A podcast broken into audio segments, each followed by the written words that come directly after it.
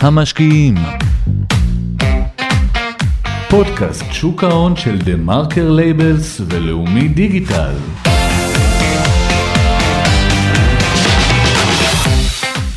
שלום וברוכים הבאים לפרק נוסף של המשקיעים, פודקאסט ההשקעות של TheMarker Labels ולאומי דיגיטל. בשני הפרקים הקודמים התחלנו להיכנס לעומקו של העולם הזה שנקרא שוק ההון. מהיום אנחנו נתחיל לרדת לעומקם של השווקים השונים. ליתר דיוק, נדבר על אחד הנושאים הבוערים ביותר בשוק ההון ובכלל בשיח הציבורי בשנים האחרונות, משק הגז הטבעי. איתנו נמצאת אלה פריד, אנליסטית בכירה בלאומי שוקי הון, שלום אלה. שלום. בואי נתחיל בזה שנעשה סדר בעולם המסובך הזה שנקרא שוק הגז הטבעי בישראל, בעולם. ננסה להבין מה המשמעויות של המאגרים, האסדות, הצינורות על החיים שלנו. קודם כל תספרי לנו איך הנושא של הגז הטבעי הפך לכל כך בולט בשנים האחרונות. ההתפתחויות הטכנולוגיות בנפט וגז אה, היו מאוד דרמטיות בעשור האחרון. אה, חלק מהם היו אה, קידוחי העומק שהנגישו אה, מאגרים שלא הייתה גישה אליהם עד לפני אה, 10-15 שנה. חלק, מה, חלק מהם היו התפתחויות אה, טכנולוגיות שהביאו למיפויים חזקים הרבה יותר ואיכותיים הרבה יותר אה, של עתודות. וחלק מהם היו בתפיסה הגלובלית של, אה, של אקולוגיה, של אה, סיכוני אקלים אה, ושל הכיוון שאליו הולכת תעשיית, תעשיית האנרגיה הגלובלית. והגז נתפס בעולם כאנרגיה שהיא תהיה מעין שלב ביניים בין האנרגיה הפוסילית, שהיא האנרגיה שמבוססת גז, נפט ופחם, לבין האנרגיה האלטרנטיבית, אם זה יהיה שמש ואם זה יהיה אטום ואם זה יהיה כל צורות האנרגיה האלטרנטיבית האחרות. למה הגז תפס מקום כל כך מרכזי? בעיקר בגלל שהוא נתפס כפחות מזהם, וגם אה, היעילות שלו מבחינת הבעירה הרבה פחות מזהמת והרבה יותר יעילה. ולכן הוא החליף אה, חלקים גדולים מאוד של אה, הנפט. הוא, מי ששמר על חלקו בתמהיל העולמי אה, הוא הפחם, בעיקר בגלל אה, הנגישות שלו ומחירו הזול, אבל אה, אם אנחנו מסתכלים, נגיד, אה, על הצמיחה העולמית בשימוש באנרגיה בארבע, אה, חמש שנים האחרונות, אז אנחנו רואים שהקפיצה של גז הייתה מאוד חזקה, ואנחנו מסתכלים על העשור האחרון, צמיחה של הגז הייתה ב-60 אחוז גבוהה יותר, אפילו ב-80 אחוז גבוהה יותר, אם אנחנו מסתכלים נגיד על עשר שנים, מהצמיחה של השימוש בנפט. במילים פשוטות, ביחס לכמות הרכבים וגידול השינוע בעולם, הנפט, אפשר להגיד, מפגר מאוד מאוד חזק אחרי הגז. כי העולם תופס את הגז כאותה צורת אנרגיה שהיא מקשרת בין העבר הפוסילי, נקרא לזה. המזהם. המזהם, לבין העתיד הירוק יותר, מהעתיד, של אנרגיה ירוקה. העתיד הירוק יותר, ובוא נגיד האחראי יותר מבחינת האקלים. הטכנולוגיה והתקציבים, תקציבי המחקר והפיתוח של תעשיות הנפט, עברו בהרבה מבחינת היכולות המדעיות שלהם ומבחינת הכלים שעמדו לרשותם את נאס"א, וכמעט אפשר להגיד כל פיתוח צבאי, ומתעשיות הנפט הרבה פעמים פיתוחים זלגו למקומות אחרים. כל הנושא הזה של קידוח הוא נושא מסוכן, כלומר כן. חברות באות משקיעות מיליארדים, אני מניח, כשמדובר בהקמה של תשתיות להפקת הגז הזה, הסיכון עדיין מאוד גבוה. אני רוצה לדבר על זה באמת. באופן פרדוקסלי, הסיכון התפעולי נמוך יחסית בתעשייה, כאשר אנחנו מדברים על חברות מובילות. עוד פעם, כשאני מדברת, אני מדברת על חברות ברמה של אקסון, של שברון, של של, של ביפי אחרי התקלה, hopefully, ועל על החברה, על, על החברה הנורבגית, ואפילו על גז פרום, כן? כשאנחנו מדברים על החברות האלה, הסיכון התפעולי שם אינו כל כך גבוה. הרבה פעמים הסיכון הפוליטי גבוה יותר מאשר הסיכון התפעולי בחלק מהמקומות. הסיכון של אה, תמלוג כמו אצלנו. שינוי פתאום, שינוי, שינוי אה, רגולטורי תוך כן, כדי. כן, אנחנו תכף נדבר גם על התחום אה, בישראל, ואנחנו נראה שהתחום בישראל למעשה עבר אבולוציה שמאפיינת כמעט כל מדינה. שמתגלים בעתודות שניתנים להפקה.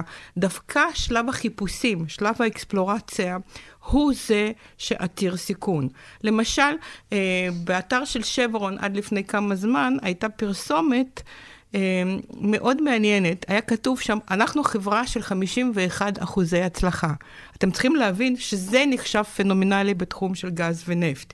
אז בעצם את אומרת, כדי לפתח מאגר גז, יש שני uh, מכשולים שצריך uh, לעבור. הדבר הראשון והדבר הקשה ביותר, זה לחפש את הגז, למצוא אותו ולהצליח לדעת שיש את הדרך uh, להוציא אותו משם. בדרך אני מניח שיכולים להיות uh, זיהומים של המאגר על ידי ים, יכולים להבין שהמאגר בעייתי בכלל לחלץ ממנו גז. ורק אם עברת את השלב הזה, עכשיו אתה צריך להתמודד עם מדינה שגילתה שיש לה מאגר גז ורוצה לשנות את uh, כללי המשחק כדי להרוויח. Uh, כן, יש רק שלב ביניים באמצע, uh, שבדרך כלל מתרחש לפני, זה קצת דומה לחיזור. לא כל החולשות מתגלות בהתחלה. בואו נגיד ככה, קודם כל, גילית את המאגר, השתדכת לאותה מדינה, ויש איזושהי הרמוניה בהתחלה, והתמלוג הראשוני שמציעים לך הוא 11% פלט, ככה היה אצלנו לפחות, וזה מאפיין הרבה מאוד מדינות. אנחנו לא היינו שונים באבולוציה הזאת, למרות שזה היה נראה לנו מאוד uh, דרמטי. ואז... Uh, מה שנקרא, נתפסת, אתה כבר השקעת פה ואתה רוצה לפתח. עדיין, בדרך כלל המדינה, באופן מאוד הדרגתי, מנהלת איתך דיאלוג, אבל אתה בינתיים מחפש מימון.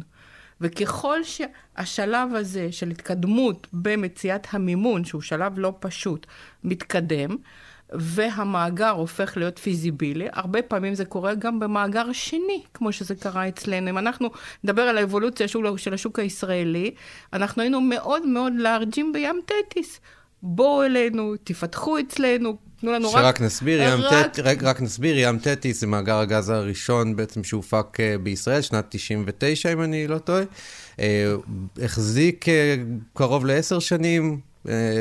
אבל עדיין המאגר הזה, הכמות שהייתה בו בכלל לא משתווה לכמויות של הגז שהיום מחכים במאגרים העתידיים, כמו ש... כפי שאנחנו יודעים לפחות. נכון, ונובל אה, אחרי מאמצים רבים אה, וחיפושים רבים הסכימה להיות זאת שתוביל את הפיתוח שלו, והתמלוג היה 11 אחוז. שטוח, פלט מה שנקרא, אה, לא פרוגרסיבי, והמדינה רק בירכה את מי שפיתח לה את המאגר. וכך בדרך כלל זאת האבולוציה. ואחר כך אה, התגלה מאגר תמר, באמצע הייתה לנו אפיזודה מצרית אה, שבה אה, ישראל קנתה גז ממצרים, אבל אה, זה לא היה... פוצץ במהלך המחאות, 2012, אם אני זוכר נכון. ואחד הדברים שקרו, אה, שמאוד מאוד אה, לא, לא מאפיינים את השוק הזה, זה שמאגר תמר למעשה מומן עוד בטרם נסגרו חוזים, אה, סופית נסגרו חוז, חוז, חוזי צריכה של הגז שלו. אבל זה בגלל שדובר במאגר יחיד, שכל מדינת ישראל שיבעה לו גם מבחינה אנרגטית, גם התחלואה מיד קפצה כי חזרנו להשתמש בפחם. קנינו באמצעות אה, מתקן שהוקם פה להנזלה, גז במשהו כמו 16-17 דולר ליחידת גז. זו אותה ספינה גדולה שאנחנו רואים מול חדרה, כן. שהוגנת מול תחנת הכוח? שמגיעה והוגנת. בצד שלנו יש את הבוי, שהוא הקולט של הגז, ומדי פעם מגיעה הספינה. והיא פורקת את הגז. Mm-hmm. ורכשנו אז גז במחיר שהיה בערך פי, פי, בין פי שלוש לפי ארבע, תלוי באיזה תקופה, אה, מהגז המקומי, אה, כי גם אה, נתפסנו כסיכון, וחלק מהזמן גם הייתה, הייתה פעילות צבאית, ואז גם אף סינה לא רצתה להגיע, אלא תמורת פרמיה מאוד גבוהה. אבל כל זה איכשהו קצת נעלם בפרספקטיבה היסטורית, כי היום אנחנו כבר מרגישים מעצמת גז. אצלנו, החוזים הקבועים, של מחיר הגז של חברת החשמל הלאומית שלנו, של חח"י, מול... שותפויות הגז. מול, שותפו, מול השותפויות בתמר. למעשה מעורר כבר הרבה מאוד שנים, הרבה מאוד ביקורת, הרבה מאוד יצרים, ועדות. הוגש בג"ץ לפני כשנה, שנתיים. כן, ובינתיים לא, לא, לא, לא המשיכו בבג"ץ הזה. אה, והחברות, והחברות אה, בסך הכל, אה, לפי המידע הידוע בשוק, בדיוק כמו חברת החשמל, לא ידעו מה כדאי, כי יש בזה הרבה מאוד ניבוי, ופה דווקא הסיכונים, למשל, של השוק שאתה מדבר עליהם. באותו שלב, היה נראה הדבר הבטוח והפשוט, הצמדה למחירי הנפט כדבר ההגיוני, ולמען האמת רוב המדינות גם שואפות להצמיד את מחירי האנרגיה שלהם למחירי הנפט, כי זה פשוט בצורה כזאת מגדר את היתרון התחרותי של המדינה, של מדינה כבעלת אנרגיה מול מדינה שהיא נטולת אנרגיה. באו וראו את המצב הבא. יש לנו מאגרי גז במדינת ישראל, מאגרי הגז האלה מסוגלים לספק לנו אנרגיה למדינ... למדינה ברמות מאוד גבוהות, כלומר להפחית מאוד את השימוש אה, בפחם, בדלקים מזהמים, במזוט. אמ, ואנחנו רוצים אה, לקבוע עכשיו מה יהיה המחיר שחברת החשמל, בשם הציבור, תרכוש את אותו גז ממאגר תמר. הלכו ואמרו, בואו נקבע מה המחיר שאליו אנחנו, אה, שאליו אנחנו מצמידים את מחיר הגז עשר שנים קדימה. לגמרי. החוזים אצלנו... אה, היו חוזים קבועים דווקא ביוזמת המדינה, והמדינה אפילו לא כל כך אה, מכחישה את זה, זה כן, ידוע. כן, רשות החשמל בעצם... רשות אה, החשמל התעקשה על חוזים קבועים, היא כמובן חשבה שהיא עושה טובה גדולה, זה היה בעולם שמחירי הנפט עלו כל הזמן. אז הם אמרו, אנחנו לוקחים את מחיר הגז, מצמידים אותו למדד המחירים האמריקאי, נכון? כן, נכ- נכון. Uh, מה לעשות שבאותם השנים מחירי הנפט נפלו אה, מנגיד רמות של 80 דולר בנובמבר 2014, אה, תוך שנתיים-שלוש ל-20 דולר וחזרו את כל הדרך חזרה.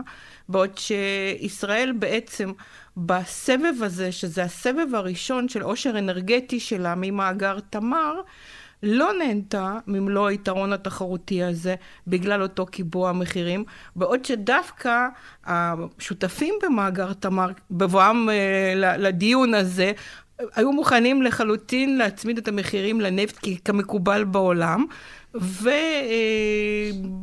ובתור אה, פתרון, בתור ברירת מחדל הסכימו להצמדה למדד האמריקאי, שגם הוא אכזב באותם השנים, כי אלה היו שנות הריבית המופלאה, או יעדי ריבית נקרא לזה ככה. זה היו שנות ההתרחבות ה... אה, שנות, שנות ההתרחבות הכלכלית אה, והשנים שאחרי משבר של 2008, והריבית הייתה אפסית, כך שמכל בחינה, מכל בחינה אפשרית אפשר להגיד שהמחירים היו יחסית אה, סבירים בזכות זה שהריביות לא, לפחות לא, כי יכולנו למצוא את עצמנו גם במצב שגם המחיר מקובע וגם ההצמדה לריבית עוד אה, יכולה להיות שלילית. עכשיו זה למשל דוגמה לניסיון אה, לשבור את הכלים שמקובלים באיזשהו אופן שהוא יכול, יכול מאוד להצליח, אבל יכול מאוד גם להיכשל, כי היתרון התחרותי של מדינה הוא בסופו של דבר ביחס למדינות אחרות. והמדינות האחרות אה, מנצלות את היתרון התחרותי שלהם, ופה אני רוצה לגעת, ופה אני רוצה לגעת בדיוק בתחום הגז. ישראל, ישראל עברה מעוני אנרגטי לעושר אנרגטי אה, במהלך של אה, העשור האחרון, והעשור הזה היה מאוד דרמטי. כי הוא לווה בשינויים מאוד מאוד גדולים אה, בשווקים של אה, הגז והנפט. אנחנו נתמקד בגז. אה, מצד אחד, השוק הקרוב אלינו ביותר, שזה השוק הגדול, אני מתכוונת, אה, השוק האירופאי חיפ, חיפ, חיפש ומחפש דרך להפחית את התלות באספקה הרוסית. אבל מצד שני, רוסיה, אה, שזקוקה לו, גם הפחיתה מחירים באופן דרמטי, גם אה, הקימה צינור אחד ומקדמת הקמה, מקדמת כנראה בהצלחה רבה הקמה של צינור נוסף שגרמניה צריכה אותו, בגלל הירידה שלה מהאנרגיה האטומית. בעיקר כמסקנה לפוקשימה דווקא שהייתה ביפן.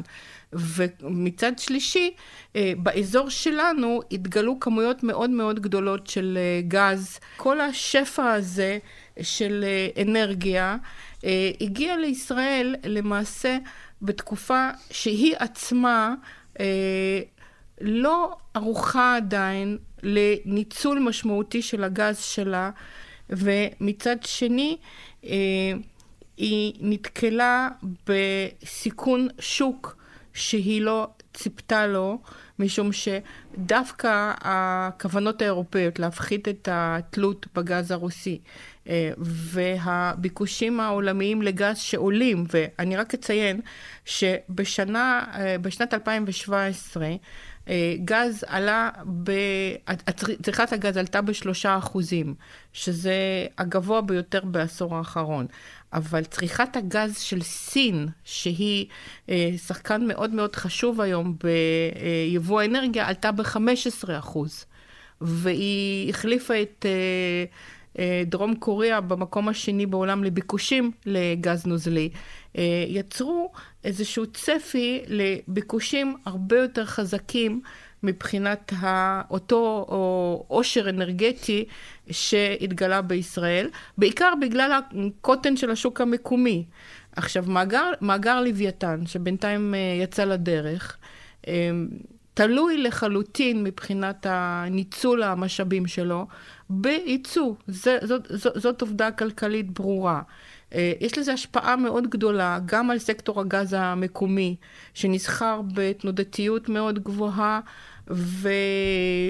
ומספק ביצועי חסר כלפי, מול המדדים, ה, מול, מול, המדדים, מול המדדים המובילים בתל אביב. אבל זה הרבה מעבר לזה, יש לזה השפעה על המטבע, כי למשל כל התחזיות uh, הכלכליות לשנת 2020 מושפעות מקיומו או היעדרו של הייצוא. מחירי הגז בישראל וביצועי, הס... וביצועי סקטור הגז בבורסה uh, תלויים לחלוטין בפתרון לאותו צוואר בקבוק של uh, עודף גז שנוצר אצלנו, שכרגע פשוט מהווה סיכון שוק. Uh, התוכנית הנוכחית של ייצוא מלוויתן למצרים ויצירת האב uh, במצרים. Uh, כלומר, תוכ... מקום, האב, כלומר מקום שממנו אפשר להוציא את הגז גם למדינות אחרות. כן. היא תלויה uh, מאוד בגורמים פוליטיים ולא רק כלכליים. כי גם מצרים, אפרופו הגילויים ב, ב, באזור הים התיכון המזרחי, גם למצרים היו גילויים מרשימים. מי שהוביל שם את הפעילות היו, הייתה חברת E&I, שאחראית לגילוי של מאגר זור, שכרגע ההפקה ממנו מתקרבת לכמות שכמעט כפולה מתמר, כרגע זה 17 BCM, אבל עוד מעט זה הולך להיות 20 BCM כנראה בנובמבר, והם ממשיכים שם גם באקספלורציה וגם בפיתוח. ביפי פועלים שם, והם בהחלט המשיכו, הצליחו למשוך לשם משקיעים בפיתוח. לכן הייצוא הישראלי למצרים, למרות שיש בו הרבה היגיון כלכלי, מפסיק להיות כורח. כמו שהוא היה לפני, נניח, שלוח, נניח לפני שלוש-ארבע שנים. וירדן גם בתוך התמונה ירדן, ירדן אכן, ירדן אכן זקוקה לגז הישראלי, וגם ההתקדמות של בניית הצינור הירדני משני הצדדים היא כרגע אה, מאוד uh, מהירה. כן, העבודות מתבצעות כבר בשטח. העבודות uh, מתבצעות ומתקדמות בשטח, ובמצב הנוכחי ירדן באמת זקוקה לגז הישראלי, בעוד, ש, אבל, בעוד שירדן לבד פשוט לא מספקת בשביל להסיר את איום השוק בטווח הקצר מסקטור הגז הישראלי שנסחר בבורסה. כשאנחנו מדברים על ייצוא, פה מדובר בעצם על הכסף. שם מדובר על מה שיכניס את הרווחים הגדולים לחברות, וכך גם למשקיעים. כן, ולא, ולא, ולא, ולא, וזה בדיוק מה שרציתי להגיד, זה ההבדל בין המדינה למשקיע פרטי. או למשקיע המוסדי, או אה, לבעלי השליטה בחברות. כולם באותו הצד בעניין הזה. אה, מבחינת הפרספקטיבה של המדינה, נכון שהתמלוג מלוויתן התעכב, אה, ההשפעה, תוספת של חצי אחוז או 0.7 אחוז ל-GTP, לתמ"ג המקומי אולי תתעכב, אבל בפרספקטיבה של המשקיע, באותן החברות אה, היא דרמטית לחלוטין, כי זה בדיוק הפער בין שווי מינימלי המספק אה, והמשרת את בעלי החוב ועדיין משאיר איזשהו פוטנציאל של הון, לבין עלייה מיידית כמעט בשיעור של עשרות אחוזים שמתייחסת הן לעובדה שממאגר פוטנציאלי אנחנו, המאגר, צריך להבין שמאגר לוויתן בעוד שנה, ממאגר פוטנציאלי שכרגע הוא קיים בשלב ההקמה, הופך למאגר מפיק. זה בלשון של הבורסות כבר שווה איזושהי פרמיה של 10-15 אה, אחוז, רק על עצם העובדה שהסיכון התפעולי הוסר, שדיברנו עליו בתחילת השיחה שלנו, וכרגע, שהוא לא גבוה, אבל עדיין 10-15 אחוז מהשווי זה לא כך מעט, והמאגר כרגע מתפקד ומפיק כמו שהיה לנו בתמר. אבל זה רק חלק מהעניין. העניין הוא ש... כששוק ההון מסתכל על תזרים, הוא הרבה פעמים לא מסתכל באותה הפריזמה שמסתכלות עליו חברות נפט ו/או המשקיע הפרטי הקטן. אה, ואני אסביר את עצמי.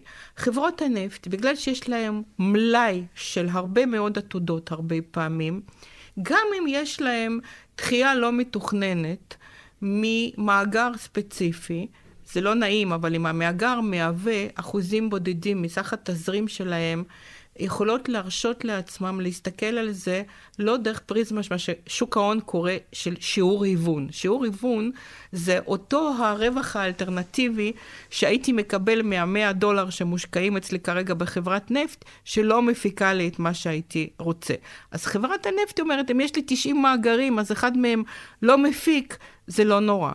אה, מצד שני, בחברות קטנות, שיש להן אה, מאגר אחד או שניים, דחייה של תזרים, או חלק מהתזרים, כי הרי ללוויתן יש חוזים סגורים עם שוק המקומי ו... וירדן, אה, יכולה להיות מאוד דרמטית לשווי, כי החברות צריכות לשרת את החוב. מצד אחד, המשקיע לא מקבל תזרים. עכשיו, ככל שהריבית האלטרנטיבית שהוא יכול לקבל אה, עולה, אז כמובן שגם הקנס על אותו היעדר תזרים הוא גבוה יותר. אז חלק מהעניין שבאמת אה, כרגע האיום הזה הוא אולי קצת פחות דרמטי, זה כי הריביות אה, לא, לא, הריביות שמקבלים בגין אגרות חוב של מדינה או של אה, אה, אפיקים סולידיים, הם לא, הם לא גבוהים במיוחד, אבל עדיין השווקים כונסים חברות שיש אה, להם מעט אה, מאגרים או מעט... אה, מעט מקורות תזרים, לא, לא, אפילו לא, גם לא רק בהכרח בתחום האנרגיה, אה, והמקורות האלה מתעכבים. עכשיו, המשקיע הפרטי מבחינתו, יכול להיות שהוא לא היה רואה את זה כל כך דרמטי, והוא היה אומר, יש לי את המניה הזאת, אז היא תביא לי את הדיבידנד בשפה פשוטה בעוד שנתיים, בעוד שלוש, זה לא נורא. במקרה שיש. במקרה שיש לו, לו ודאות שהגז הזה לא יישאר באדמה והוא יצא. אבל מכיוון שהשווקים האלה בסופו של דבר נשלטים על ידי משקיעים מקצועיים, והמשקיעים מקצועיים רוצים לקבל דיבידנד, תזרים ואופק ברור, הם מאוד לא אוהבים אי ודאות להשקעה שלהם.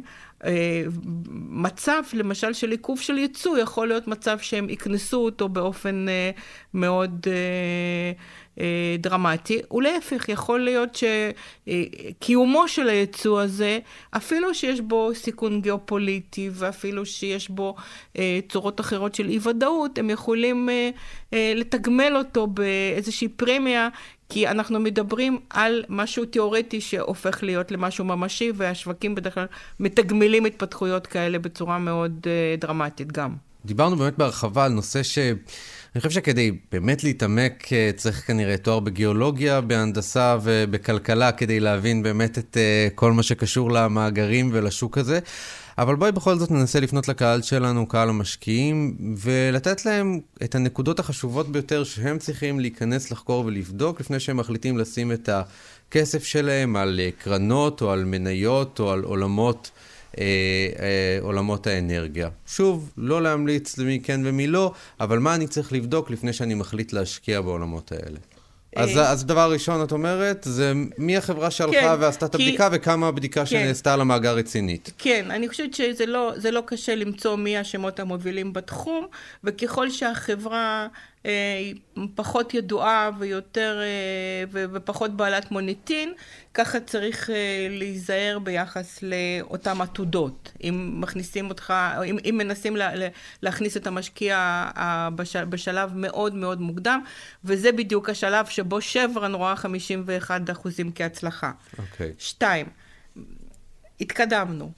מי אמור להיות ה... האופרטור והגורמים שיובילו את הפרויקט. זה מאוד מאוד חשוב.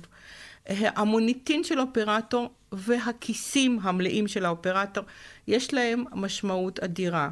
אה, ואני אתן טיפ נוסף, לפעמים... יכול להיות אגב שזו הסיבה שחברות אנרגיה כל כך משקיעות בייצוג המוניטין שלהן, לא דווקא בשביל הציבור הרחב, אלא כדי שהמשקיעים ידעו, אה ah, אוקיי, זאת חברה שפועלת כבר 100 שנה ויש לה ככה וככה אה, אה, שדות או מאגרים שהם אה, מטפלים בהם. לכן המוניטין של החברות האלה כל כך חשוב להן, כדי להראות שהם באמת יכולים לפתח מאגרים שהם אה. אני חושבת שמוניטין בעולם של אה, נפט וגז הוא דבר עצום, גם כלפי מדינות, גם uh, היום כולם גם רוצים להציג ממשל תאגידי, גם uh, הציות האקולוגי, גם בסופו של דבר חברת נפט פועלת בתוך נכסים לאומיים היקרים ביותר של מדינה. ונוגעת ביחסים, ונוגעת, נוגעת, אני מתכוונת בלהב הקידוח, כן. בנכסים היקרים ביותר של מדינה, אם זה ים, אם זה קרקע, אם זה מים בפצלים, ואם uh, יש לה את הכלים האלה, ויש לה יכולת uh, להפחית את הנזק האקולוגי, כי כל תעשייה בסופו של דבר מזהמת. וכל תעשייה יש בה את הסיכון לנכסים האלה. אז ככל שהאופרטור יותר איכותי, והכלים הם uh, כלים יותר בעלי ניסיון ויותר בעלי מוניטין, כך עדיף. הדבר הבא שחשוב לא פחות, אה, וזה טיפ שהייתי רוצה לתת למשקיעים, זה לראות מהו הקשר. כי לפעמים אפשר להתקל במצב שישנה חברה גדולה ובדרך אה, כלל אה, אלה לא יהיו חברות מערביות, אבל עדיין חברות מנוסות שבעלות ניסיון ובעלות ותק וכסף רב. אבל uh, כשהן הולכות לפתח איזשהו נכס במקום שהם לא פעלו בו עד כה, הן שולחות חברת בת. ופה הייתי מאוד נזהרת. כי לחברת בת הרבה פעמים אין את הניסיון התפעולי תפעולי האמפירי שיש לחברת האם. בוודאי שאין לה כיסים עמוקים כמו לחברת האם. חלק מזה זה אסטרטגיית הגנה, שאם קורה משהו, שלא יבוא, לא תבוא, לא יבוא המשקיעים או המדינה אליכם. וכשאתם נתקלים במשהו שמקושר לחברה מאוד גדולה וחשובה ובעלת מוניטין, אבל החברה המקומית זו חברה קטנה אה, שהוקמה לצורך הפרויקט, או שהפעילות שלה היא לא מאוד מרשימה, צריך לחשוב טוב טוב, כי זה לא מקשר בינה, כמובן שהיא מקבלת אספקה וציוד מהחברה האם, אבל uh, זה לא מוקרן עליה באופן אוטומטי, לא מבחינת הניסיון ובעיקר לא מבחינת היכולת הפיננסית. היכולת להשיג מימון uh, בדרך כלל מתבטאת ב... קודם כל בהיסטוריה של מימון לפרויקטים אחרים, או בעניין שיש במישהו כמו מדינה או שותפים לסייע במימון. והדבר החשוב ביותר ביחס למימון, וזה באמת חשוב למשקיע פרטי, זה לזכור שהחוקים בעולם הנפט והגז ביחס למימון הם קצת כמו בג'ונגל. ואני אסביר את עצמי. חוקי, חוקי המימון בעולם של פיתוח נכסים הם מאוד פשוטים. אה, יש מה שנקרא call for money, קריאה לכסף, ומי שלא מסוגל להביא את הכסף, פשוט עלול להיפלט מתוך הפרויקט. Uh, כמובן שיכולים במקרה להיות לו שותפים uh, אציליים ונעימים, שזה נדיר למדי, ולהגיד, אוקיי, אנחנו פשוט נקצץ את חלקו, ואז הוא יישאר בתוך הפרויקט, אבל זה באמת תלוי בטוב ליבם של השותפים. חברה שלא מסוגלת, כל הסיפור המפורסם שאנחנו שמענו פה על הגיאולוג, ושלא שלא, לא זכה בסוף אה, להיות חלק ממאגר תמר, זה בדיוק הסיפור הזה. ברגע שחברה לא נענית לקריאה לכסף, היא נפלטת מאחוזי הבעלות שלה. השותפים לא חייבים לה כלום, זה מקובל בכל העולם, כי זו תעשייה מאוד מאוד קשה, משלמים מראש, דיברנו כרגע על המורכבויות, ולכן אה, מי שנמצא בחברה כזאת, ואם הוא לא מרגיש שיש לה את האיתנות הפיננסית, לפעמים עדיף להיות בחברה שיחס התשואה סיכון בה פחות גבוה, אבל היכולת שלה להשיג מימון וללכת עם הפרויקט יותר ריאלית. אז אפשר בסופו של דבר להגיד שגם בנושא הזה, כמו בכל נושא אחר, אם אתם מצפים אה, לתשואה גבוהה ומופרכת, הסיכון באותה מידה יהיה מאוד גבוה.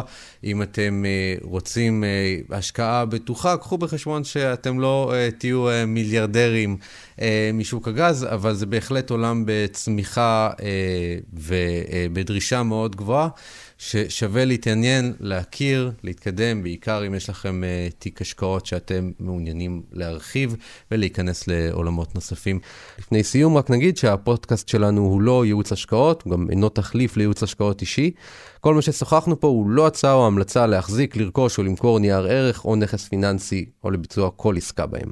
אלה פריד, תודה רבה שהיית איתנו. תודה רבה לך. רדיו.